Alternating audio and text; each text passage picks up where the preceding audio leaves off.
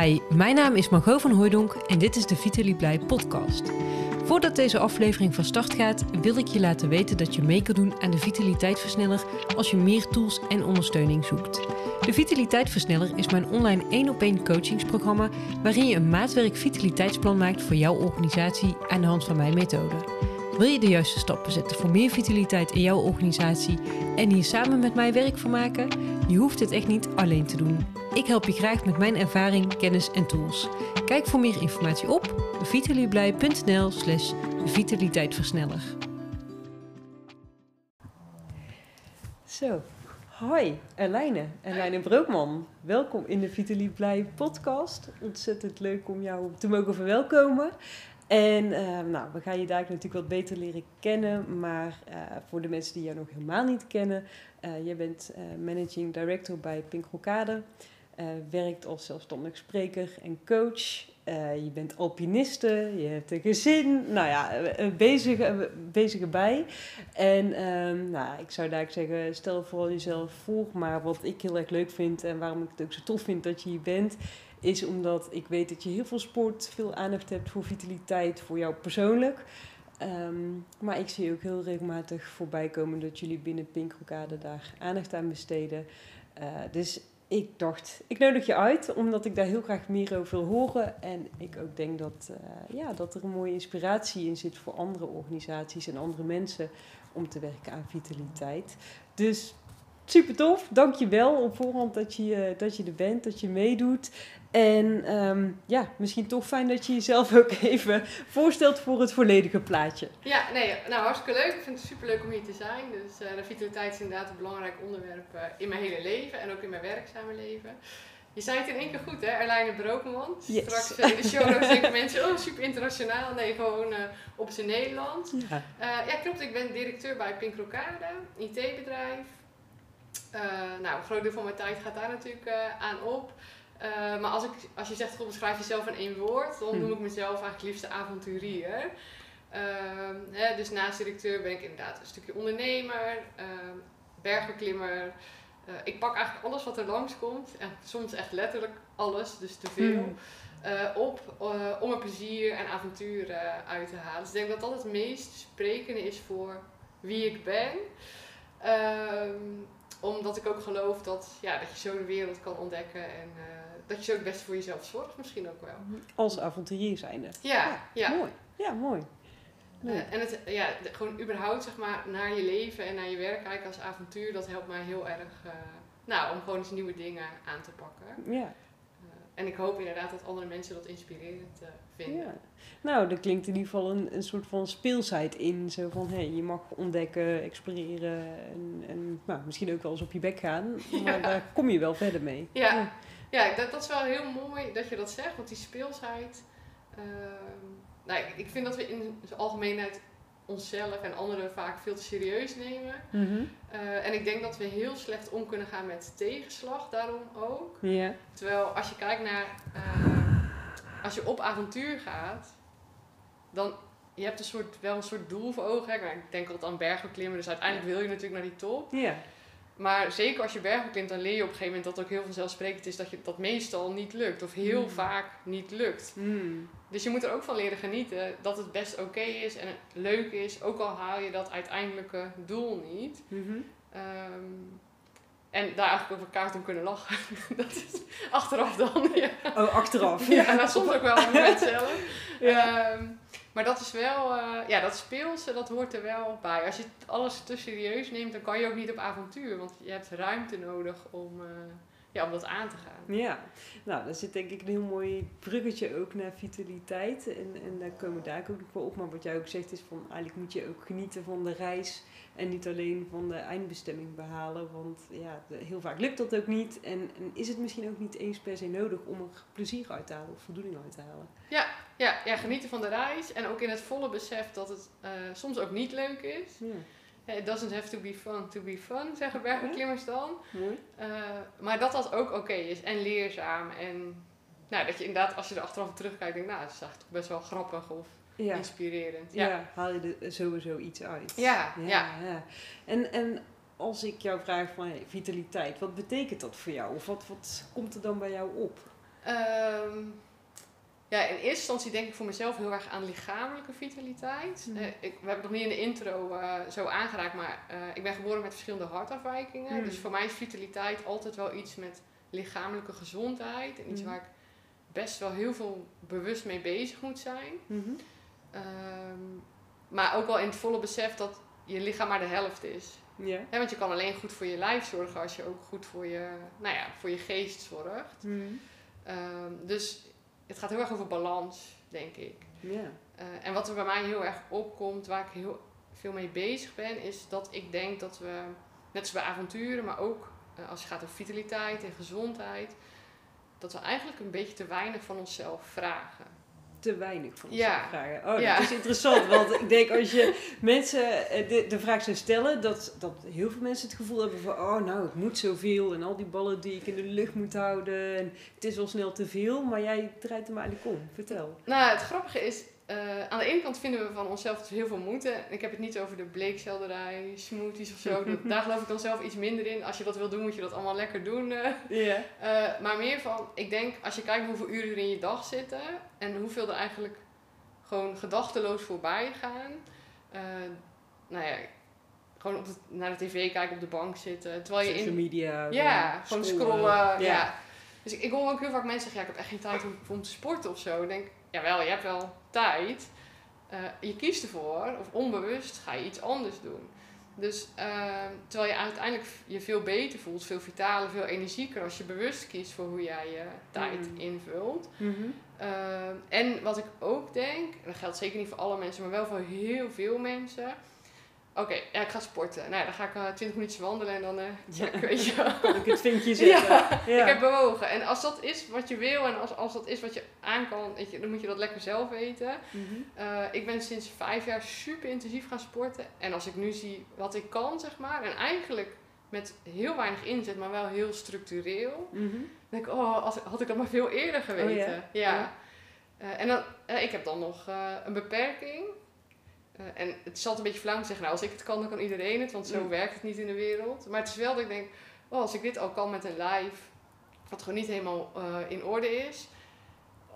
Bedenk je eens wat je kan met je lijf en met je geest als je gewoon de aandacht aan besteedt. Ja. Dus, Ja. ehm, Ja, want eigenlijk zeg je van mensen ehm, nou, vragen eigenlijk te weinig van zichzelf. Dus je zegt eigenlijk van met name de keuze die je maakt om hoe je, ja, hoe je tijd investeert en wat je eigenlijk voor jezelf durft te vragen ook. ja, dat is het denk ik. Dat vind ik Ja. echt heel mooi. Want dat zit ook heel erg in het avontuur. Ja. thema van durf dan eens te denken wat ook zou kunnen. Ja, en wat dat je ook oplevert. Hè? Ja. Ondanks dat het dan misschien even, nou, misschien zelfs spannend is. Of even, ik bedoel, je wordt moe, je gaat zweten. eh, dat is allemaal niet van pijn soms. Ja, pijn, ja. ja. En natuurlijk, het is soms afzien, maar in die end levert het je veel meer op. En, en nou, vanuit de vitaliteit is natuurlijk ook wel, of vanuit energiemanagement, is, is het ook heel erg gedacht, hey, als je jezelf af en toe wat zwaarder belast, maar ook goed je rust en je herstel neemt en daar ook eh, voor kiest, uiteindelijk word je daar sterker van en kan je natuurlijk ook veel meer aan. Ja, ja en ook eh, dus, eh, de afwisseling tussen inspanning en rust veel bewuster maken. Want Mm. als je dan ja, ik zit ook wel eens een uurtje lekker te scrollen op mijn telefoon. Mhm. Maar als ik dat dan doe, dan denk ik, oh lekker, weet je wel, even genieten. Geniet je daar ook echt ja, van? dan, en dan is het ook een soort van semi-bewuste keuze. Ja. Eh, Oké, nu hoef ik even helemaal niks. En dan ga ik even genieten van het feit dat dat ook niet hoeft. Ja. En dan kom ik ook echt tot rust. Ja. Ehm, in plaats van dat je, oké, we zijn klaar met eten, kinderen liggen op bed, nou, pff, nu zak ik op de bank en dan, eh, En- dan, ja, dan loopt de tijd eigenlijk weer weg. Ja, voor je het weet zit je gedachteloos, onbewust, eh, twee uur verder en ben je nog steeds aan het scrollen. Ja, Dat ja. is wat veel mensen denk ik wel meemaken. Ja, en ehm, wat mij een beetje intrigeerde ook, was een post van jou op LinkedIn, of een blog die je had geschreven, waarin je ook zei, ja, ik sport 10 tot 20 uur per week. Nou, naast een, een ontzettend drukke baan als directeur, naast je eigen bedrijf, naast een gezin, naast de verbouwing ook nog eens. wat, je, nou, wat je ook laat zien op Instagram. En ehm, nou, ik was daar zelf best wel van onder de indruk, maar het woordje structuur, dat viel net al, eh, wat je ook zegt, maar ik ben super bewust in hoe ik mijn tijd kies.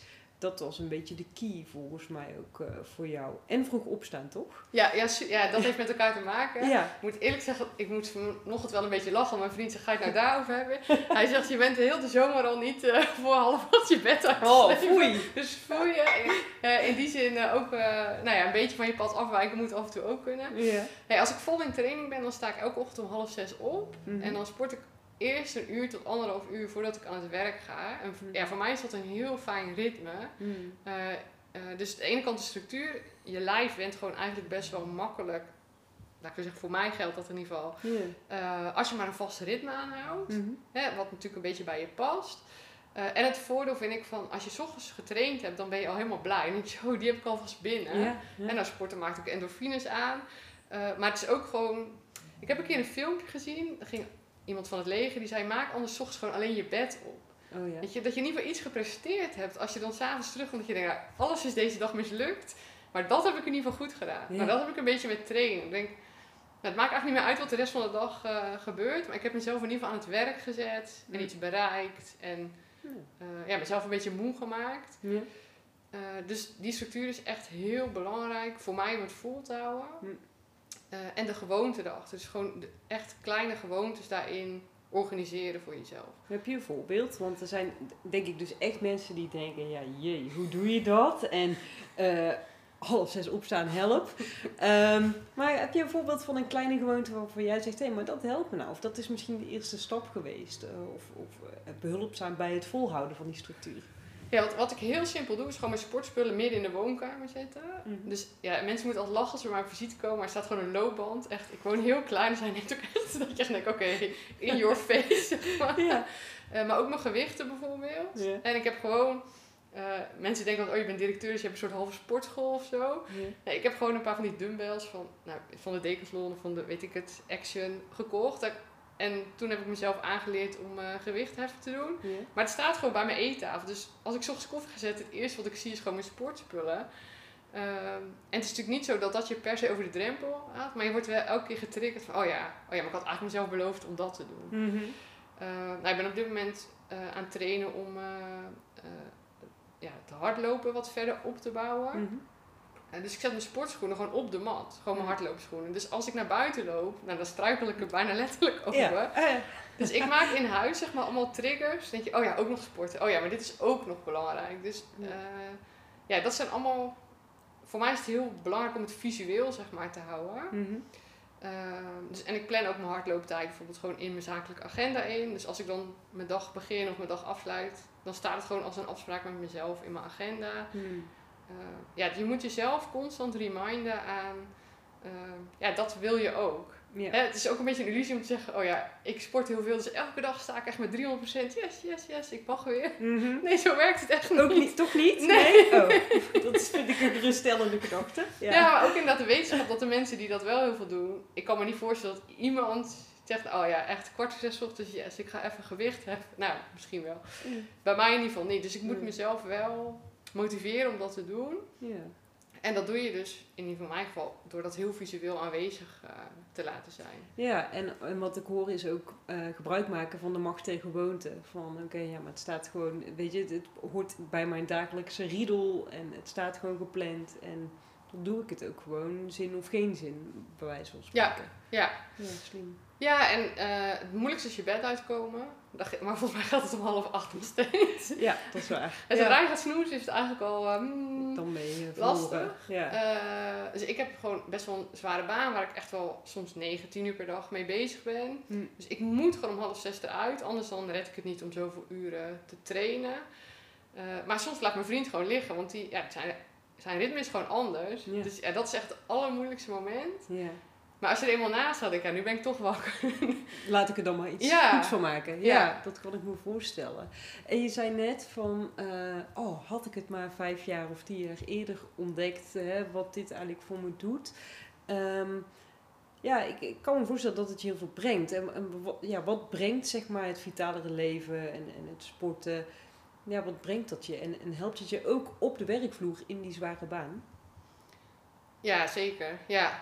ja ik zeg zelf, eh, als, als je merkt dat je vooruitgang boekt, zeg maar, dat werkt gewoon heel erg motiverend, maar ook voor je zelfvertrouwen. Dus Mm. ehm, als je in het bedrijfsleven werkt of in een organisatie, je hebt targets en die kan je halen of je kan, die kan je niet halen. Maar dag na dag vind ik het altijd best wel moeilijk om te meten van, ben ik nou een betere directeur geworden of ben ik nou een betere salespersoon geworden? Die processen zijn heel lang. Uh, en wat het mij heel erg gebracht heeft, is dat ik uh, jaar na jaar sterker word, sneller word. Hm. Dat je denkt, hé, hey, ik kan gewoon iets aanpakken en ik kan echt dag voor dag progressie zien. Dus waarom zou het dan op dat andere vlak ook niet kunnen? Hè? Dus dat je hm. ook weet, nou bijvoorbeeld pull-ups. Oh, ik, het heeft me anderhalf, twee jaar gekost voordat ik één volledige pull-up kon. wat is een pull-up? dus dat, aan je handen hangen aan een stang en dan met je ruim erboven, zeg maar. Niet zo net het puntje van je Oh, dat je echt jezelf optrekt met je kin tot aan... Ja. En dan met je knokkels naar je toe, hè. Dus niet ah. zo aan je biceps, maar aan je rug. Ah, dus oké. oké, ja. nou, las ik later in een boekje dat voor vrouwen blijkbaar heel normaal is dat je daar uh, ja, anderhalf, twee jaar over doet. Omdat vrouwen van nature minder uh, gespierd zijn in hun mm. bovenlichaam. Maar ja, wist ik veel. Ik dacht gewoon dat ik even de kneus was. Uh, en toen dacht ik, ja, ik heb zo vaak willen opgeven. En dan stond ik op een stoel, zeg maar, dat je een soort van hulpje hebt. Maar op een gegeven moment kom, kom je door een dood punt heen en dan lukt het. En dan lukte één, en dan lukte op een gegeven moment drie. En nou, uiteindelijk kon ik er gewoon tien of elf of zo. En dat je denkt, oh, maar anderhalf, twee jaar ergens aan werken. En dan, op een gegeven moment komt dat vliegen wel op gang. En dat heeft, wel, dat heeft me zoveel zelfvertrouwen gegeven. Van, ja, je moet niet opgeven, je moet gewoon door blijven gaan en blij zijn met hele kleine dingetjes. Uh, en dat, ja, dat helpt voor mij in ieder geval heel erg in mijn werk. Omdat je heel vaak aan processen aan het werken bent. Nou ja, ook vitaliteit van je medewerkers, maar ook je organisatie of de cultuur in je. Dat gaat gewoon niet van de een op de andere dag. Nee. Uh, dat. En ja, het helpt wel. Ik werk echt in een mannenwereld. Mhm. En het feit dat ik me gewoon sterker voel. Mm Maar gewoon letterlijk fysiek sterker. Ja, dan denk ik altijd, ja, nou, maar ga je niks maken, denk ik Ja. dan. eh. Ja, maar je staat je mannetje. Ja, ja het is ja. een heel stom spreekwoord eigenlijk als je erover nadenkt. Maar ik kan me wel voorstellen dat het, dat het gewoon zorgt dat je er letterlijk ook staat. Ja, ja, het grappige is, eh, eh, ik ben heel lang de enige vrouw geweest in ons directieteam. Mm. En dan gingen we wel eens met elkaar iets doen of zo. En dat ik dacht, oh, maar ik ben echt sneller dan jullie of echt sterker.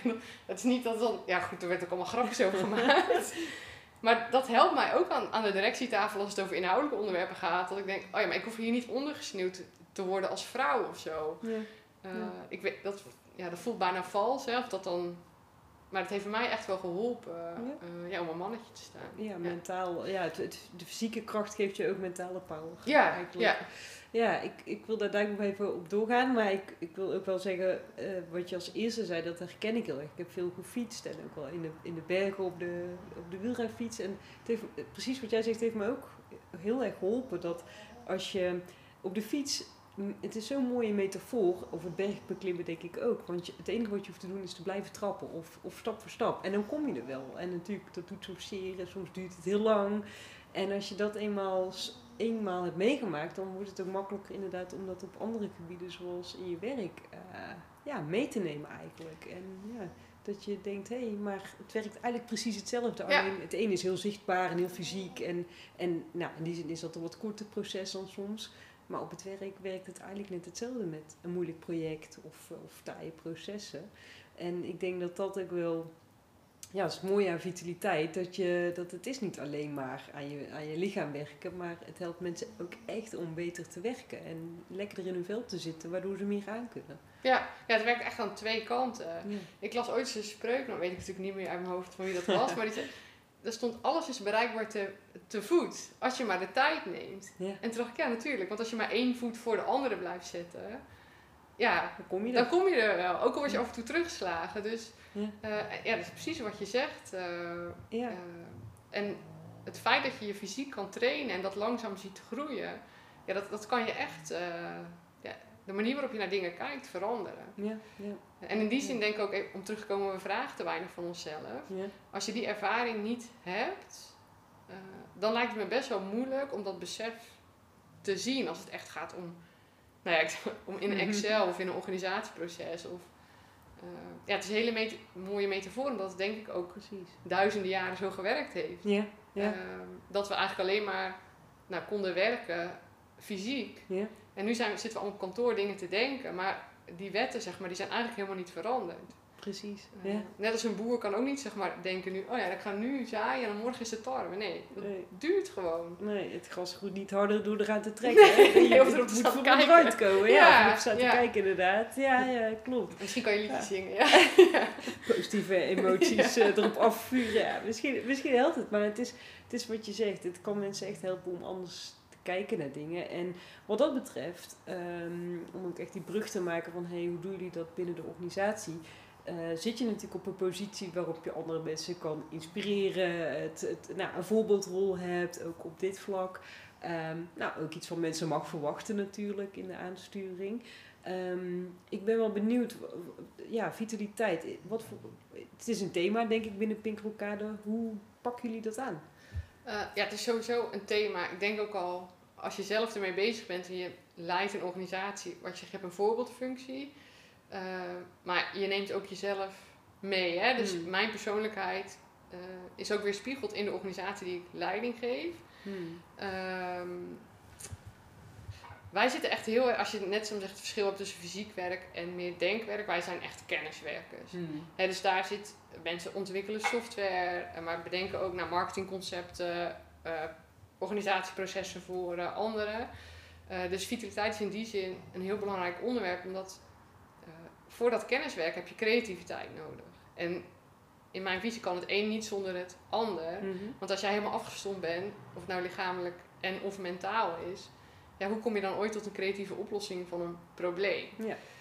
Dus ik denk dat voor heel veel kennisorganisaties vitaliteit, misschien dat ze niet per se zo benoemen, maar wel echt belangrijk is om de basis onder hun, nou ja, onder hun why of onder hun verdienmodel eh, in stand te houden. Mhm.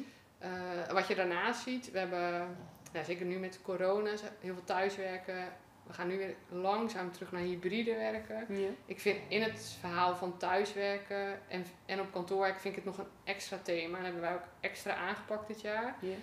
Eh, als je mensen gewoon fysiek ziet, dan, eh, ja, dan voel je hoe het met mensen gaat. Hè? Dus je kan natuurlijk zien aan hoe iemand eruit ziet. Maar ik geloof ook heel erg dat je een bepaalde energie uitstraalt als team en als mens. Dus ja, dan voel je dat bij elkaar. Ja, je loopt de werkvloer op en je voelt eh, de- hoe de energie en de sfeer is op Ja. binnen het team of op de vloer. Of ja, je ziet hoe iemand, staat iemand rechtop of, of zakt iemand een beetje ineen. Ja. Dat het- ja, je- wat je zegt, je, ja, je ziet het letterlijk en je voelt letterlijk hoe het gaat. Maar dat is afgelopen jaar, anderhalf jaar, echt wel een uitdaging ook geweest, denk ik, met mensen op afstand. Ja, ja we waren een bedrijf wat vrij veel eh, thuis werkte. Dat past ook heel erg bij het soort werk wat we doen. Hmm. Eh, maar nu zie je, zag je mensen soms maanden niet, in ieder geval niet fysiek. Eh, dus daarom is vitaliteit wel echt een extra belangrijk onderwerp geworden bij ons. Ook omdat allerlei programma's die we daarvoor draaiden, we hadden bijvoorbeeld een sportprogramma. ehm, eh, en nou, we hebben een interne coach, hè, waar mensen ook naar binnen liepen. Met, Hmm. ja, dat, dat ging allemaal niet meer zo vanzelfsprekend. Eh, dus waar wij ons heel erg op zijn gaan concentreren is van eh, ja, touchpoints, hè, zou ik maar even Mm. zeggen. Dus heeft iedereen individueel contact met iedereen. Mm. En hebben we ook als team eigenlijk consequent, nou daar komt die structuur weer, eh, gewoon elke dag contact. En niet contact in de zin van, oh is dit al af, is dat al af. Maar echt, oké, hoe gaat het nu met je? Hè? Mm. Ja, en hartverscheurende verhalen soms. Maar toch constant, ja, dat wel proberen naar boven te krijgen. Als iemand gewoon niet lekker in zijn vel zit, dan is het door zo'n schermpje nog extra moeilijk. Maar je moet wel proberen om in contact eh, te blijven en ja, ook ondersteuning daarin te bieden. Ja. Eh, mensen, eh, je zag eigenlijk een beetje een tweedeling. Ik ben zelf het type dat zegt, oh nou laat mij maar thuiswerken. Ik vind het super gezellig op kantoor, maar dan ook echt voor de gezelligheid. Hmm. Ehm, maar als ik gewoon geconcentreerd iets moet doen, nou, liever thuis. Ja. Maar je zag ook heel veel mensen die eigenlijk de structuur en het ritueel van naar kantoor gaan, naar waar de broodrommel openen, Ja. smiddags een rondje lopen, die dat heel erg nodig hadden om eh, productief te zijn. Ja. Nou, daar zochten we echt voor van hoe kunnen we eigenlijk die structuur een beetje namaken en toch vanuit huis werken. Ah, mooi. Ja. Dus, ja, dus in contact blijven, dat is denk ik gewoon menselijk contact en niet als baas of als manager, maar echt menselijk contact. En gewoon bij mensen toetsen van, kan je zelf structuur houden? Eh, en zo niet, hoe kunnen we je helpen om dat eh, in stand te houden? Ja, en kan je een voorbeeld geven van, van een oplossing of, of hoe je dat hebt gefaciliteerd of hoe mensen dat ze- voor zichzelf hebben gecreëerd? Uh, ja, in sommige gevallen uh, is het gewoon echt ochtends iemand bellen. Van oké, wat zit daar vandaag op het programma? Ik heb ook een paar, ik ken mijn pappenheimers inmiddels wel. Dat ik gewoon 12 uur even bel, we gaan nu lunchen. Ja. Echt gewoon letterlijk van hé, hey, uh, klap even de laptop ja. dicht en nu ga je je broodrommel openmaken. Ja, en natuurlijk niet bij iedereen, want zo controlerend ben ik helemaal niet. Maar wel dat ik denk, ik heb echt het gevoel dat je veel te veel en veel te lang door aan het werken bent. Hè? Dus mm. dat is ook echt een vraag die ik aan mensen stel. Hoe vaak ga je naar lunchen? Ga je ook uh, ga je er wel eens uit? En mensen ook faciliteren om dat samen uh, op te zoeken. Hè? Dus mensen die dan uh, stimuleren mensen om met elkaar te gaan wandelen bijvoorbeeld. Mm. Als mensen bij elkaar in de buurt woonden, nou, spreek dan met elkaar af. Nou, op een gegeven moment werd dat zelfs lastiger, dus toen zijn we uh, telefoondates gaan, telefoonwandeldates gaan organiseren. Oh, wow. yeah. Dus ik, wat ik dan deed was at random mensen aan elkaar koppelen. En zeg ik, jij, jullie moeten elkaar bellen deze week. Spreek een tijdstip af. Maar je mag alleen bellen als je buiten aan het wandelen bent. En je mag het niet over werk hebben. Oké, en hoe werd dat ontvangen door mensen? Ja, dat vonden ze super leuk. Dus uh, niet iedereen. En het grappige is, dan zeggen sommige mensen, ja, ik doe niet mee, want ik heb het te druk. Nou, dat is voor mij echt zo'n red flag. Ik, oh, ik ga jou even bellen. Juist, ja. jij moet meedoen. Ja. Ja. ja. Ik ga niemand dwingen. Maar ik ga wel even bellen. Goh, wat is er aan de hand? En waarom heb je het gevoel dat je het zo druk hebt? En kunnen we iets voor je doen? Uh, dus ook door mensen die dan afhaken dat je dan denkt, hé, hey, hier moet ik even opletten. Want ja. waarom zou je dat niet willen? Nou, sommige mensen hebben geen behoefte om te gaan wandelen. Nou, prima. Doe je dan iets anders om van je werk los te... Dus dat helpt ook heel erg in het gesprek. Uh, en wat we heel erg veel doen is uh, onze waardering en uh, uitspreken. En ook uh, niet alleen maar denken, oh wat fijn dat je werkt, maar ook wij vinden het niet vanzelfsprekend dat heel de bedrijfsvoering doorloopt in deze situatie. Hmm. Ja, dus um, gewoon mensen individueel, maar ook als groep aanspreken. Van, ja, zijn echt, we zijn zo trots op wat jullie voor elkaar hebben gekregen. Terwijl we eigenlijk van de een op de andere dag thuis zaten. Hmm. Ja, wij vinden dat niet normaal. En je merkte wel dat dat heel. Um, ondanks dat je eigenlijk al een cultuur hebt, dat je uh, heel veel waardering probeert uit te spreken. En we zijn echt wel van, oh, stuur af en toe een cadeautje. Of hmm. het feit dat we dat constant benoemen, uh, maar wel oprecht. Hè? Het is geen, het is, ja, is geen marketingstunt, zeg maar. Hmm.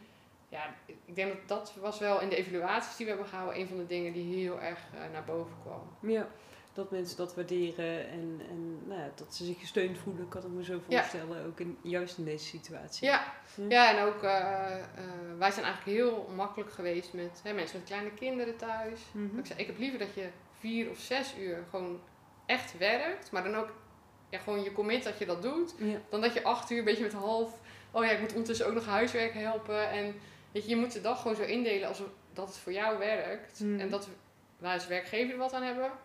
Maar dan moet wel je gezin blijven doordraaien. Yeah. Want uiteindelijk is dat voor niemand uh, goed, zeg maar, als dat niets gebeurt. Het, het bijzondere wat ik altijd vind, want uh, als je mensen eigenlijk dat vertrouwen geeft, mm -hmm. dat 99% van de gevallen gaan mensen veel te hard werken. Dus ze zijn zo blij met het feit dat je ze vertrouwen geeft. Dat je mm -hmm. eerder moet afremmen. Yeah. Uh, dan dat je zegt, nou, uh, vorige week was zo een beetje weinig. Ja, een soort van loyaliteit van, oh, ik krijg nu zoveel vertrouwen, ik moet het wel waarmaken. Ja. En, en ja, daar kan ook schuldgevoel bij ontstaan. En wat ook weer niet bevoorlijk is. Dus het is, eigenlijk wil ik je zeggen, van, je moet heel goed in de, ja, in de gaten houden. Niet vanuit controle, maar vanuit zorg. Uh, hoe het met mensen gaat, wat ze nodig hebben, of het ja, of ze niet te veel doen, ja. ook niet te weinig, maar gewoon dat ze lekker in hun vel blijven zitten. Ja, en het kan best zijn dat ze dan even een tijdje iets minder doen, ja. maar dat, dat betaalt zich dan wel weer uit, dat geloof ik echt. Mm -hmm. uh, ook zo'n hele bekende, Leiden is uh, Leiden met een korte ijs. Leiden is Leiden, ja. ja.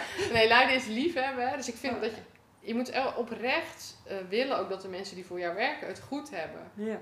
Uh, en dat, ja, ik geloof wel dat dat zich altijd uitbetaalt. En als er iemand misbruik van maakt, uh, ja, nou ja, die schade is dan zo beperkt vergeleken met wat je het oplevert. Precies. Ja. En volgens mij, als je zo goed in contact bent, dan merk je dat ook wel. Uh, ja, dan, dan merk je dat ook. En um, ja, wat jij net ook zei, hè, van het, bij jullie, het zijn allemaal kenniswerkers. Uh, die creativiteit die is nodig om het werk goed te doen. Het is nodig voor probleemoplossend vermogen, voor innovatiekracht, kan ik me zo voorstellen. Uh, merk je ook dat, je, dat dat te lijden heeft gehad onder zeg maar, de afgelopen maanden van het thuiswerken? Want uh, juist dat soort zaken ontstaat vaak ook in, in het contact met elkaar. Hè? Of dat je met iets loopt en even vraagt, oh, hoe zit jij er eigenlijk? Of wat wat voor idee heb jij erbij? Dat je dan zelf weer door kan. Allemaal dingen waarvoor je niet zeg maar de telefoon misschien pakt. Ehm, ja, buiten door het stukje hè, fysiek vitaal blijven. Ehm, maar heb je gemerkt dat het bij jullie in die zin ook echt doorliep? Of dat, er, dat mensen ook wel moeite hadden daarmee daardoor? Uh, ja, we, we, hadden het geluk of het ongeluk dat wij medeverantwoordelijk waren voor de uitrol van de TOZO, dan mm. de IT-kant. Dus wij zijn eigenlijk vanaf, nou ik denk eind maart, hebben wij echt toen hadden we echt één team, één doel, zeg maar. Want wij hebben gewoon ons gecommitteerd, samen met onze concurrenten overigens, uh, om te zorgen dat dat uh, zo goed mogelijk uitgerold wordt. Mm. Voordat je allemaal reacties krijgt van, nou, zo lekker was het niet. jullie hebben, Sorry. Jullie hebben je best gedaan. ja. ja. Uh, en toen merkte hij wel dat je echt een soort klusjes kreeg van, oké, okay, wij zijn verantwoordelijk voor de techniek, wij zijn verantwoordelijk voor het proces, wij zijn verantwoordelijk mm. voor de documentatie echt, nou, echt beulen, zeg maar. Dus er waren echt collega's dat ik dacht, oh, het is tien uur, kom op, ga naar bed. Ja. Uh, morgen kan het ook weer. Maar dat dan inderdaad gewoon s'avonds soms iemand opbellen van het ministerie van, nee, ik moet echt nu. Oh ja, ja. Uh, het voordeel daarvan is dat als je echt in zo'n pressure cooker zit, dan, ja, dan uh, word je helemaal ook een soort hyper daarvan. Hè? Ook in je creativiteit. Ja. Toen dat eenmaal een beetje liep, toen zag je echt wel een terugslag. Mensen waren ook gewoon echt moe van die heftige periode. Ja. En je zag ook van, we zijn eigenlijk helemaal niet toegekomen aan het verwerken van het feit dat we thuis kwamen te zitten. Want ja, we zijn meteen op een soort snelweg terechtgekomen. Yeah. En toen heeft, is dat wel wat teruggelopen, is, is mijn beeld. Hmm. Ehm, en toen hebben we het ook echt wel met elkaar over gehad van wat kunnen we nu nog doen voor elkaar. Hmm. En als ik nu kijk over de hele lange termijn, uh, je gaat naar een soort nieuwe normaal.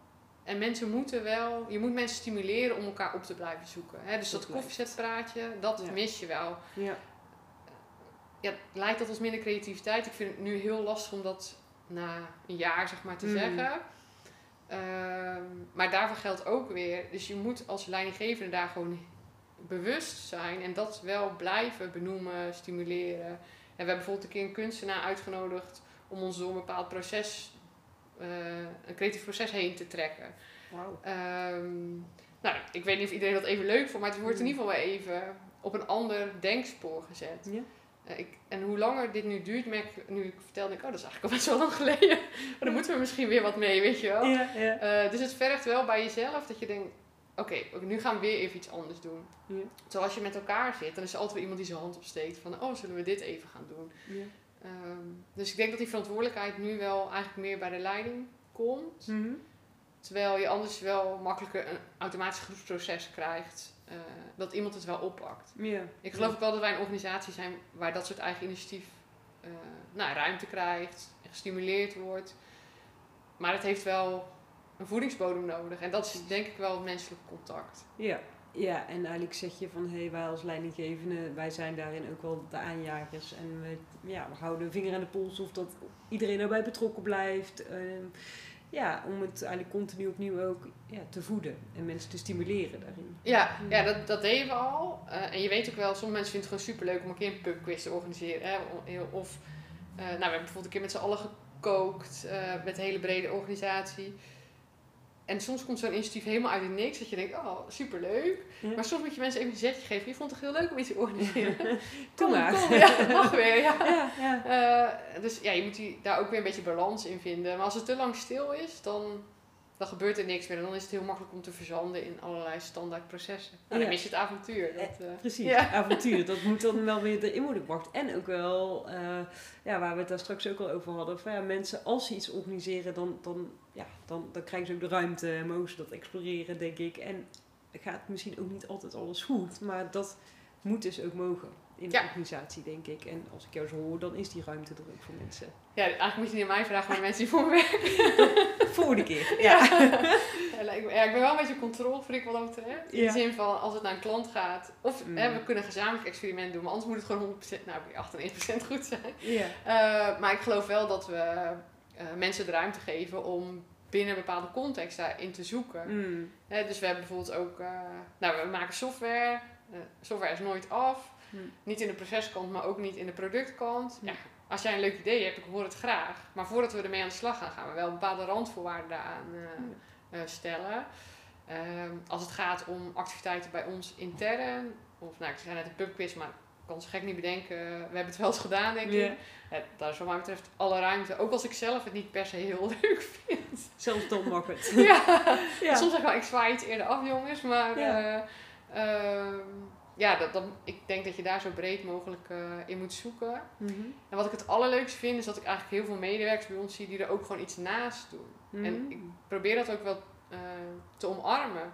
We hebben bijvoorbeeld één eh, medewerker die, die heeft naast dat hij bij ons werkt, heeft hij een vechtsport nou, organisatie Oh, opgericht. Op een gegeven moment werd hij gevraagd door andere organisaties, wil je misschien training geven hoe je omgaat met agressie en hoe je assertiever op kan stellen. Mm. Nou, superleuke opdracht voor hem. Toen kregen wij, oh, wij moeten eigenlijk die training ook weer gaan inplannen. En ik denk, oh, dan ga ik aan hem vragen of hij dat wil doen. Ja. En dan, dan heb je er allemaal voordeel van. En hij ontwikkelt zich op een heel ander aspect. Mm. Ehm, maar ja, uiteindelijk hebben wij, wij als organisatie daar nu letterlijk voordeel van. Omdat hij een stukje van eh, zijn dienstverlening bij ons kan eh, geven. Mm. Maar ik geloof ook dat hij daardoor weer nieuwe inspirerende ideeën krijgt. En eh, nou, blij is met wat hij doet. Ja, eigenlijk wat je net ook zei, of waar we het over hadden, dat sport veel kan brengen. Dat geldt natuurlijk ook voor als je je talenten op een bepaalde manier kan ontplooien. En of dat nou in sport is, of in een hobby, of in een andere eh, organisatie. eh, ja, uiteindelijk ontwikkel je en ben je blij, geeft dat voldoening. En die energie die neemt iemand toch weer mee. Ja, Ja. ja. daar geloof ik echt in. Ja, mooi. Ja, eigenlijk hebben we het zo, link, zo, zo door de zinnen door al heel erg over leiderschap en, en hoe je de dingen aanpakt. Eh vitaal leiderschap is natuurlijk ook echt wel een thema. Ehm, soms denken mensen daarbij meteen aan van nou, als leidinggevende moet je dan een marathon rennen en dat is dan vitaal leiderschap. Ik denk daar zelf wel iets anders over. Namelijk ook wel heel erg in. Ik, ik las een mooie eh, quote eigenlijk die uit een andere podcast komt. Ik lees hem wel even voor. Ehm, het beeld van de baas die alles onder controle heeft is fake. Dat past niet meer bij het leiderschap van deze tijd. Blijf dicht bij jezelf en zorg op je eigen manier voor toegevoegde waarde. Pas getekend Erlijn. ik, ik denk dat daar wel heel eh, echt een kern in zit van vitaal leiderschap. Hoe zie jij dat zelf? Ja, ik denk dat als ik kijk naar wat voor mij een beetje een klassiek of misschien ouderwets beeld van leiderschap is. is- Nou ja, eh, als je kijkt naar eh, de fabrieksdirecteur die op de werkvloer letterlijk van bovenaf opkijkt. En kijkt of alles wel goed gaat en misschien nog een verbetering aanbrengt. Hmm. Eh, maar daardoor ook als een soort allesziener en alleskunner eh, zich opstelt. Eh, ja, ik geloof daar niet, in die zin niet in. Als ik zie hoeveel mensen voor mij werken aan vakgebieden waar ik echt geen verstand van heb Ja. hoe zou ik ooit tegen hen kunnen zeggen hoe ze hun werk beter moeten doen? Dus gewoon inhoudelijk kan dat al niet meer. Hmm. Maar ik geloof ook dat leiderschap. Iedereen heeft te maken in zijn leven met tegenslag. Of dingen die lastiger zijn dan je had verwacht. Of überhaupt dat je gewoon een dag niet zo lekker in je vel zit. Dat weghouden voor mensen als leider, Hmm. dat, dat geeft, ja, wat ik zeg, een fake beeld. Want dan lijkt het net of iedereen, oh je mag hier werken, je bent succesvol, maar dan moet je nooit een slechte dag hebben. Of je moet nooit teleurgesteld zijn. Of, Eh, dat is een dun randje, want je kan natuurlijk ook niet uh, huilie door het kantoor lopen. Ja, je moet wel eh, nou, je mannetje staan aan de Ja, nee, kant. je moet ook ja. energie erin brengen. En als je tegenslag hebt, moet je soms ook gewoon zeggen: Oké, jongens, ik weet dat het vervelend is, maar nu gaan we ervoor. Hmm. Maar helemaal niet laten zien dat je aangeslagen bent of dat je ergens mee worstelt. Eh, dat geeft voor andere mensen ook heel weinig ruimte om eh, aan de ene kant die emoties te tonen. Maar aan de andere kant ook weer vanuit die emotie en vanuit die struggle zeg, eh, te komen met mooie oplossingen. Ja. Eh, dus ik geloof dat vitaal heel erg zit. Oké, soms zit het niet helemaal mee. Maar ik kan daar ook doorheen werken. En eh, soms heb ik jou daarvoor nodig. En soms kan ik het alleen. En allebei is goed. Hmm. Eh, maar ik ga het niet voor je verstoppen per se. Ja, een stukje kwetsbaarheid laten zien. Het zorgt ook voor verbinding, ja. denk ik. Ja, en vertrouwen. Ja, en ook wel laten zien van oké, de ene dag kan het wat minder zijn. En de volgende dag staken weer. Hè? Dus het is, niet, het is ook niet een soort, oké, nu ben ik kwetsbaar en nu is de weg naar beneden. Hmm. Eh, nee, en soms, is, ja, soms moet je die ruimte gewoon even pakken. Ja, ja en, en daarmee dus denk ik ook een voorbeeld eh, stellen voor andere mensen. Van ja, we, het kan allemaal, hè? we hebben allemaal wel eens een mindere dag. Eh, prima, dat mag er zijn, maar vind ook een manier om jezelf weer te herpakken. Ja, ja, dat denk ik wel. Ja. Want als het Ja. alleen maar het feit laat zien dat je een slechte dag hebt, nou, dat maakt je menselijk en kwetsbaar. Hmm. Maar ik denk dat eh, het stuk leiderschap, vitaal leiderschap, zit echt in, oké, maar daarna kan ik er doorheen werken. Mhm. Eh, en dan ben ik er weer. Ja. En soms ben ik er zelfs beter dan dat ik voor die tegenslag eh, Ja. er was. En ik vind wel, en dat vind ik ook een verantwoordelijkheid van een leider, je moet leren aan wie je dat kan laten zien. En Mhm. ook, hè, soms hebben, heeft je team gewoon nodig dat je nou echt letterlijk de vooruitgeschoven pion bent en zo, nu gaan we die kant op. Mhm. En soms heeft je team juist nodig om met jou in verbinding even ergens om te rouwen of nou, iets, iets te verwerken. Eh, als ik zie, eh, ik ben nu vijf jaar directeur, dan is dat wel een afweging die ik steeds makkelijker maak. Ja. Eh, ja, dat is wel echt een leerproces geweest. ja, want zoiets leer je denk ik niet ergens in de studiebank. Nee, Toch? ja, hoe, hoe, ja want, want dat is natuurlijk wel. Je was 33 toen je directeur werd. Ja. En vrouw in een mannensector, hè, de IT. Eh, ja, dat, dat is best wel een leerproces geweest dan, denk ik. Hoe heb je dat gedaan? Ja. Ja, en ik kwam ook niet uit de IT, hè. dat maakt het nog extra ingewikkeld. Dus eh, eh, ik kende die wereld ook niet super goed. Ik werd wel een paar jaar toen daar, maar ja, ten eerste gewoon heel vaak voor je bek gegaan. Ja. ja. Eh, ik heb ook echt wel tijden gehad dat ik dacht, nou nu ga ik de handdoek in de ring gooien. Dus, Oh ehm, het gevoel dat mijn eigen team zich tegen me keerde of ehm, eh, de andere directeuren echt geen enkel vertrouwen meer hadden in wat ik deed. Eh, de vraag is altijd, is dat dan iets wat je zelf hebt aangepraat of is dat dan echt waar? Hè? Ja. Maar ja, wel elke keer opstaan. Hè? Dus eigenlijk waar we in het begin gewoon één voet voor de andere blijven zetten. Hmm. En soms ook denk ik s'avonds, nou, ik, ga, ik weet echt niet hoe ik hieruit ga komen. Ja. Dat ik echt zo in de auto zat van, oh jeetje, hoe dan? Ja. En dan, ja, de volgende ochtend komt de zon ook weer op. En toch weer gaan. En toch proberen, eigenlijk vanuit creativiteit denken, maar als ik het nou zo aanpak. Of, of mensen gewoon bellen, goh, gisteren ging dat echt niet lekker. Heb je misschien een tip voor me? Ja. Ja. Eh, maar ja, gewoon door blijven gaan. Ja. Eh, niet blind, maar wel maar experimenteren. Dus avontuurlijk eigenlijk. Ja. Dus, eh, oké, ik heb me goed voorbereid. Dit werkte niet. Oké, nu gaan we even wat anders proberen. Ja. Ja. Ehm, ja, en dan zoeken. Zoeken en, eh, en kijken, ja, da- dan kom je wel ergens eigenlijk. Ja, ja. Eh, Dat klinkt nu heel plat misschien, maar, maar wel ja, niet opgeven. En ik denk ook wel, eh, juist als vrouw ehm, en als, als misschien wat jonger dan de rest, ik weet niet hè, hoe oud de rest is, maar heb je natuurlijk ook heel veel in te brengen. En kan je ook juist heel veel toegevoegde waarde leveren. Hoe heb je dat zelf ervaren? Nou, omdat ik en niet uit de sector kwam en vrouw was, Ja. eh, al- dus had ik sowieso echt een ander eh, perspectief vaak. Hmm. Je moet wel eerst ruimte claimen, eh, zodat mensen daar ook naar luisteren. Hmm. Maar dat was wel een voordeel. En soms zaten we ook als team vast en denk ik, oh, maar ik zie het zo. En dat hoeft er niet per se altijd de oplossing te zijn, maar het helpt in ieder geval even om eruit te stappen. In het denkproces om uiteindelijk toch vooruit te kunnen Ja. Ah. Ja. En wat wel, wat me heel erg geholpen heeft, is ehm, dat ik eigenlijk die verbinding vanzelfsprekend makkelijk opzoek. En ik weet nog het eerste jaar, denk twee jaar, en eigenlijk zou je mijn collega's moeten, daarover moeten spreken, Hm. was ik heel erg bezig om mezelf te bewijzen in ons directieteam. Van, nou, maar ik kan net zo goed als jullie. maar Ja. ook op dezelfde manier als jullie. En Ja. ik weet nog dat ik toen best wel soms ver afstond van mijn eigen team. Hmm. Omdat ik eigenlijk niet helemaal mezelf was. En ook een bepaald beeld had van, nou, ik moet gewoon net zo zijn als zij. Dan ga ik ook zo, hè, dan gaat het ook zo goed. En wat deed je dan bijvoorbeeld waarvan je, denkt, waarvan je nu achteraf denkt, nou, dat was niet Ellen. Nou, gewoon- letterlijk ook de kleding die ik droeg of zo. Dat ik dacht, oh ja, ik ben gewoon een soort... Nou, ik hou nog steeds heel erg van hakken, dus... Ja. Maar dan ging ik gewoon op een door de weekse maandag, ging mijn maandopakje naar kantoor. Terwijl nu dacht ik, nou, waarom dan, weet je? ja, omdat je dat, kennelijk dat beeld of zo wilde neerzetten. Ja, van- ja, ik ben hier de baas, hoor. ja, Ja, ja, ja, met, met de zweep. eh. Ja, dus, en dan... En ik was zo bezig met dat beeld van mezelf, of dat ik dacht dat ik dat nodig had om... Zodat andere mensen zouden accepteren dat ik de leiding had. Hmm.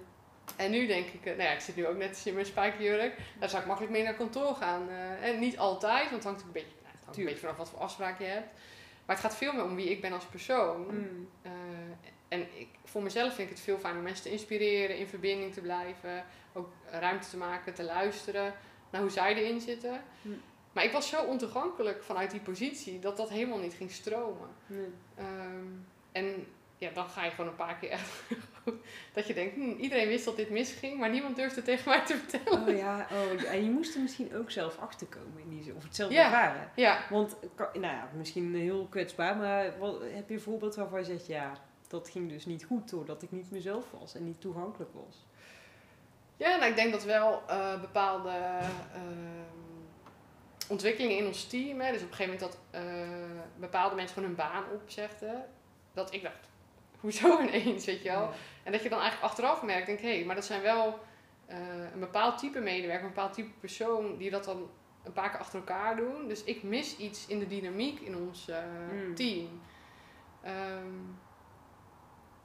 ja, de vraag is altijd, als ik me anders het opstel, had ik het dan kunnen voorkomen? Want spelen altijd heel veel dingen mee. Tuurlijk. Maar ik denk wel dat doordat ik me eh, nou, wat kwetsbaarder en opener en toegankelijker eh, opstel, Mhm. dat er wel ook een ander soort medewerkers gewoon aan ons verbonden blijven. Mhm.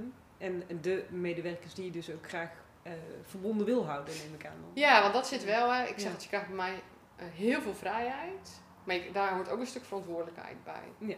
Dus als jij s ochtends om 9 uur bij ons binnenkomt en dan aan mij gaat vragen, wat moet ik doen vandaag? dan passen we niet zo goed bij Dat, elkaar. dat is hem niet. Nee. Nee. Nee. Eh, dus hoe jij je werk organiseert en ehm, hoe jij met je werktijden omgaat, daar heb je heel veel vrijheid zelf in. Maar ik moet wel op je kunnen rekenen. Ja. En kijk, als een resultaat niet haalbaar is, eh, dan is het niet haalbaar. Dan hebben we daar een gesprek over. Maar niet één minuut voor twaalf. Hè? Dus daar zit wel een stuk verantwoordelijkheid in. Hmm. Dat kan alleen, want iemand moet wel de ruimte voelen om dat ook bij jou aan te geven. Hmm. Als, jij, ja, als je echt open staat en toegankelijk bent. Eh, en mensen zich veilig voelen. Want als je natuurlijk zegt, ja nee, je krijgt heel veel vrijheid. Maar als je het niet haalt, dan hou ik je kop eraf. Ja, ja, ja, Ja. oké. nee, dat, ja, dat, nee dat, maar dat is wel cruciaal wat je zegt. Want ik denk dat als je het echt hebt over vitaal leiderschap, eigenlijk überhaupt leiderschap, eh, zeker in, het, in de nieuwe tijd. ehm, ja, je kan iets roepen, maar het moet wel in lijn zijn met gewoon wat jij dagdagelijks doet. Dus ik zeg heel vaak binnen organisaties, als het gaat, als, als een workshop geeft bijvoorbeeld over vitaliteit en zeg nou, neem genoeg pauzes, hè, zorg goed voor jezelf en dan nou, vindt de directie dat ook, maar ondertussen eh, krijgen mensen wel om 11 uur s'avonds nog allerlei mailtjes. Dan zeg ik, ja, wat, maar wat, wat wil je dan echt van mensen? Wil je dat ze beantwoorden of niet? Of moeten 24-7 aanstaan? Dus Ja, het mooiste Ja. vind ik altijd als zo'n directeur dan zegt, nee, maar ik stuur het wel zelf om 11 uur, maar jullie hoeven niet te beantwoorden. Ja, Oh, zo ja. werkt het niet, hè, als je Nee. de baas bent. Want mensen denken, oh, hij is aan het werk, dus zou ik ook aan het werk moeten zijn. Ja. Ja, een van de regels die ik voor mezelf is dat ik bijvoorbeeld na 6 uur s'avonds geen mails meer verstuur. Mhm. Eh, en dat, ik heb gewoon een klokje op mijn mail. Dus als ik, soms doe ik echt nog wel s'avonds even mijn laptop open. Omdat ik ook bijvoorbeeld 's ochtends nog wat langer gesport heb. Of dat ik tussendoor met mijn dochter naar de orthodontist ben geweest. Ja. Eh, maar dan laat ik ze gewoon pas de volgende ochtend om half negen verzenden. Dus als jij niet wil dat je mensen s'avonds werken, dan zijn dit volgens mij hele makkelijke manieren eh, om dat uit te stralen. Ja. Heb ik overigens van Adam Grant, ook nog een hele bekende Oh ja? eh, work-life nou, persoonlijkheid. Ja.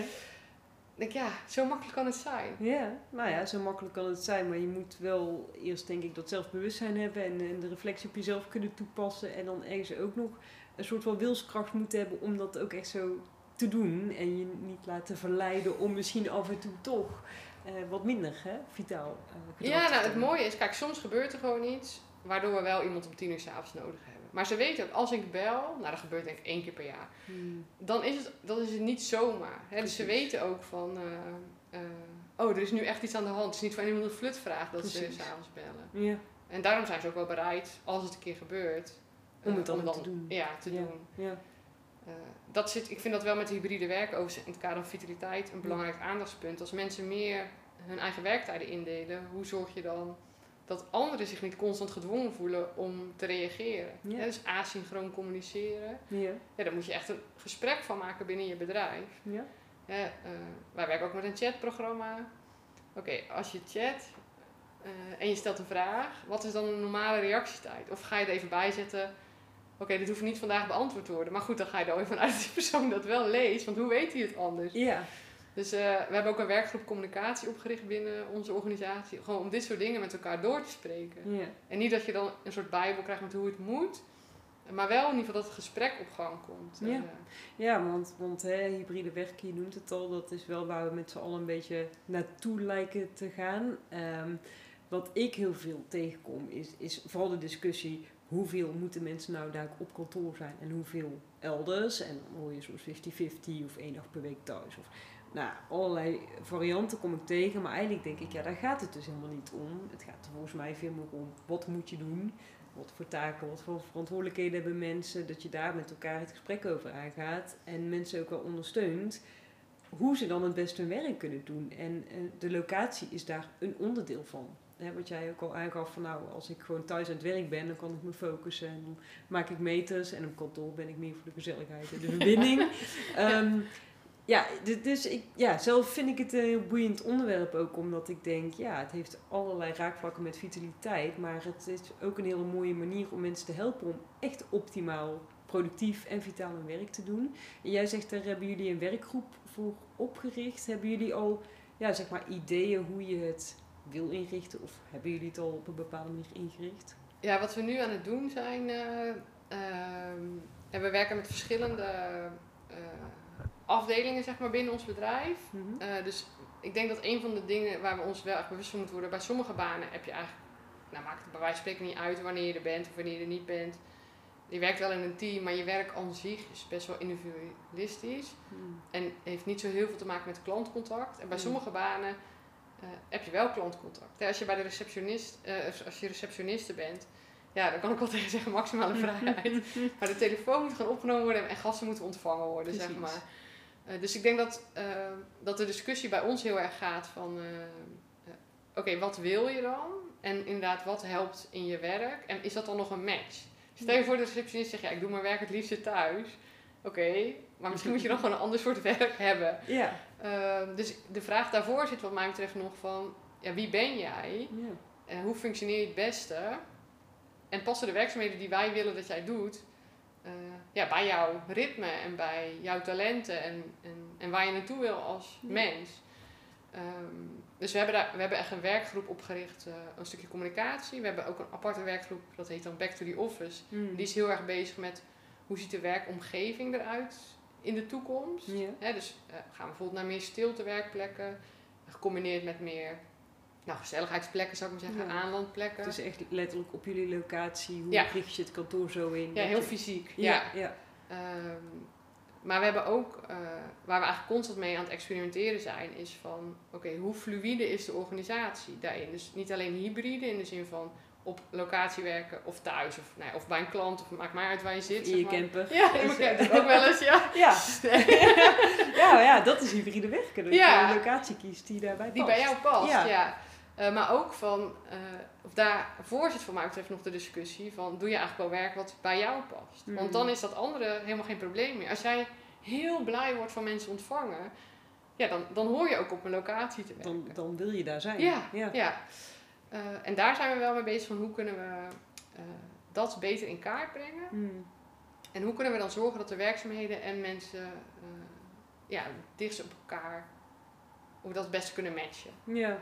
Ja, maar het is mooi wat je zegt. Hè? Want eh, ook in het kader van vitaliteit, in die zin dat heel vaak eh, denken mensen natuurlijk aan sport en aan voeding en misschien een stukje stressmanagement. Maar vitaliteit gaat ook over eh, waar haal je plezier en voldoening uit. Hè? Ik zeg altijd, je kan keurig je appel eten en, en drie keer per week die 10 kilometer rennen. Maar als jij met buikpijn naar je werk rijdt of die laptop openklapt, ja, hoe vitaal ben je dan als je dat dagdagelijks moet doen? En ehm, wat ik jou ook hoor zeggen is van, tenminste zo interpreteer ik het, dat jullie heel erg in contact staan met medewerkers. Dat jij als directeur eh, dus ook regelmatig het gesprek aangaat. Ehm, ja, hoe, hoe eh, hebben jullie daar een bepaalde gesprekscyclus in vorm gegeven of een bepaald ritme in? Ja, we hebben wel echt nog ouderwet, zeg maar, eh, het beoordelingsgesprek. Ja, ja. heel ouderwets. Heel ouderwets, ja.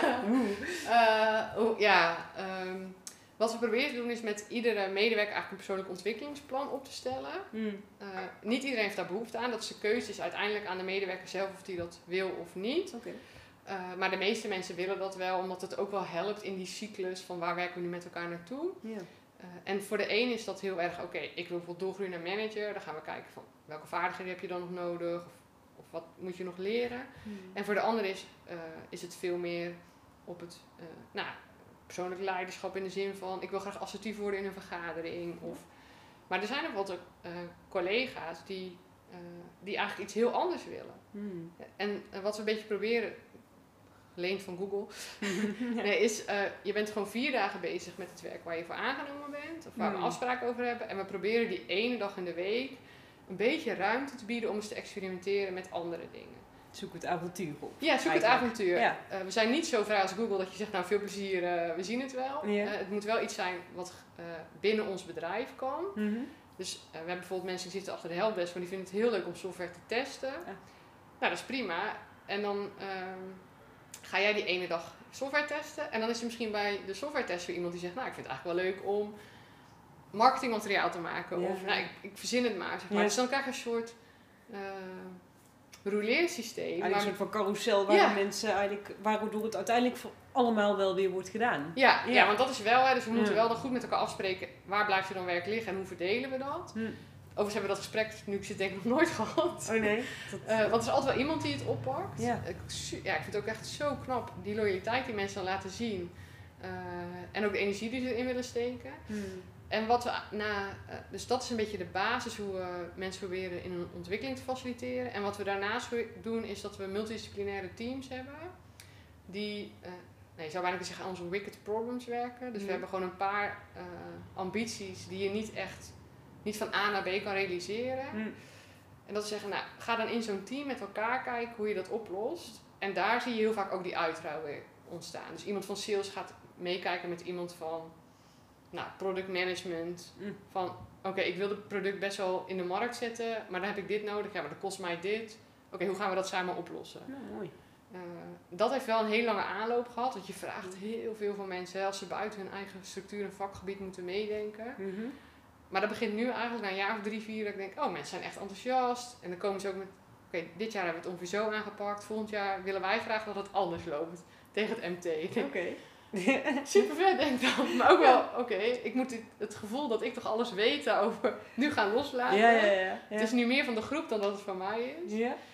Eh, dus ja, zo probeer je een beetje een fluïde organisatie te worden. Dat Hmm. als jij het gevoel hebt dat je in je functie niet helemaal meer op je plek bent, maar wel binnen onze organisatie, dat je gewoon ervaring op kan doen met andere rollen en functies. Mm. En we hopelijk uiteindelijk tot een pakket komen wat bij jou past. Ja, want ik kan me voorstellen dat, het, dat binnen jullie sector dat het ontzettend moeilijk is om aan mensen te komen en ze dus ook te behouden. En dat, dat ja, de inzet van talenten en van ehm, nou, eigenlijk het menselijke kapitaal, dat ja, dat, dat ook de, de grote uitdaging is van hoe zorgen we ervoor dat we mensen behouden op zo'n manier dat ze blij zijn en dat we als organisatie ook verder kunnen. Ja.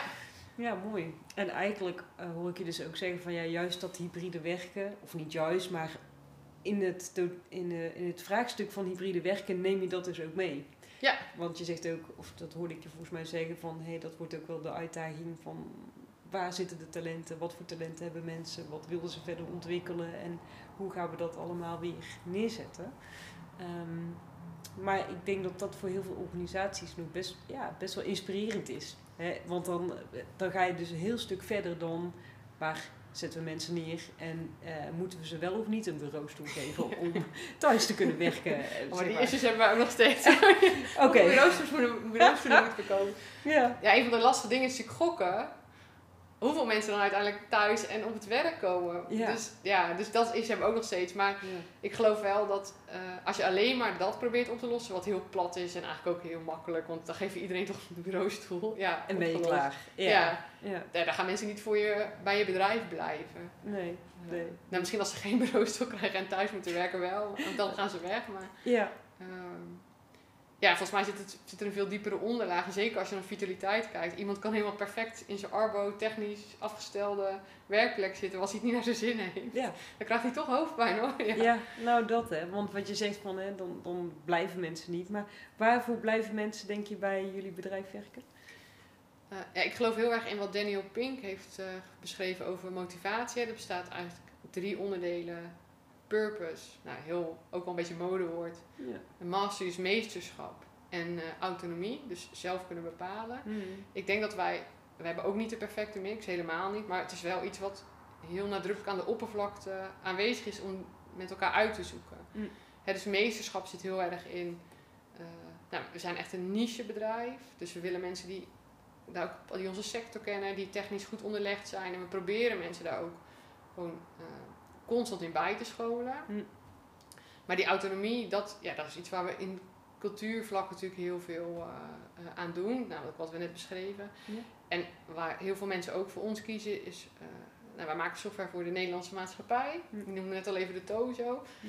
Dus ik vind het zelf ook nog steeds heel inspirerend. Dat je denkt, alle uitkeringen zijn weer de deur uit deze maand. Hè? Dus er zijn weer heel veel gezinnen die we geholpen hebben. Ehm, ja, ik geloof wel dat heel veel mensen ook wel daarvoor kiezen. Je kan bij heel veel IT-bedrijven werken. Ja. Nou, als je iets kan in de IT, hoef je alleen maar je hand op te steken. Ja, ja. Eh, ja, ik denk dat dat ook wel heel erg helpt. Dus het is een combinatie van, eh, van meerdere zaken. Als mensen bij ons solliciteren, dan is het heel vaak gericht op die purpose. Hè? Dus hoe, wat voor bedrijf zijn wij en hoe, wat leveren wij eigenlijk aan de maatschappij. ja. Maar ze blijven vanwege die autonomie, dat geloof ik echt. Ja, ja, en ik, ja, wat ik me kan voorstellen, juist die combinatie van vrijheid en verantwoordelijkheid en daarin steeds ook met elkaar, denk ik, de afstemming zoeken.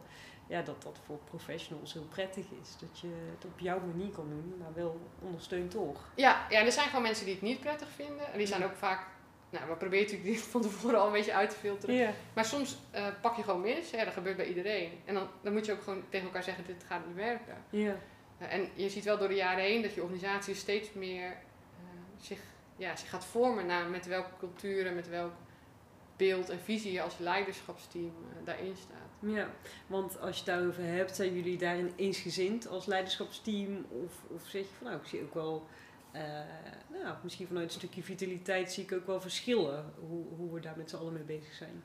Nou, ik denk, ja, eh, ik zie zeker verschillen. Ik denk ook dat dat goed is. Want als we Mm. het de hele tijd alleen met elkaar eens zijn, Ja, nou, dan krijg je hele andere problemen. ja, ja. En ik denk ook wel dat afhankelijk van de samenstelling van je team, maar ook bijvoorbeeld hoe je markt eruit ziet, Hmm. eh, dat je daar anders mee omgaat. Hè, eh, ik zei, we zijn verschillende business units. Ja, de, ja, de populatie is gewoon anders.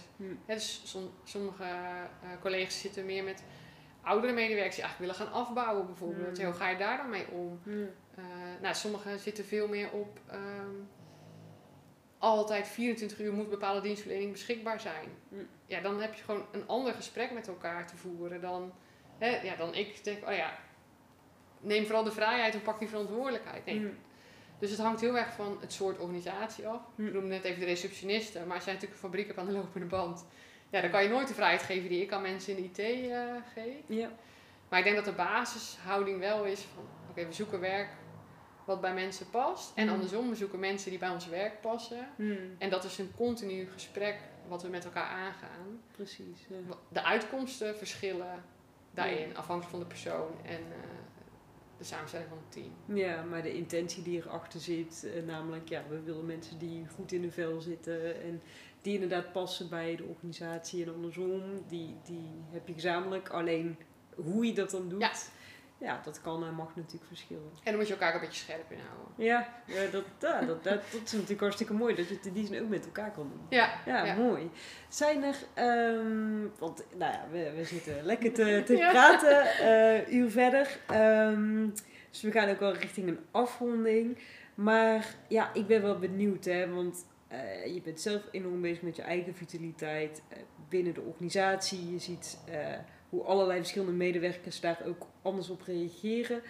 Ehm, ja, heb jij zeg maar de ultieme tip voor andere directeuren of bedrijfseigenaren waarvan jij zegt, goh, vitaliteit op de werkvloer, ja, denk in ieder geval hier aan of ga hiermee aan de slag of dit zou ik adviseren. Nou, ik denk dat ehm, die toegankelijkheid. Dus ik denk dat alles begint met verbinden.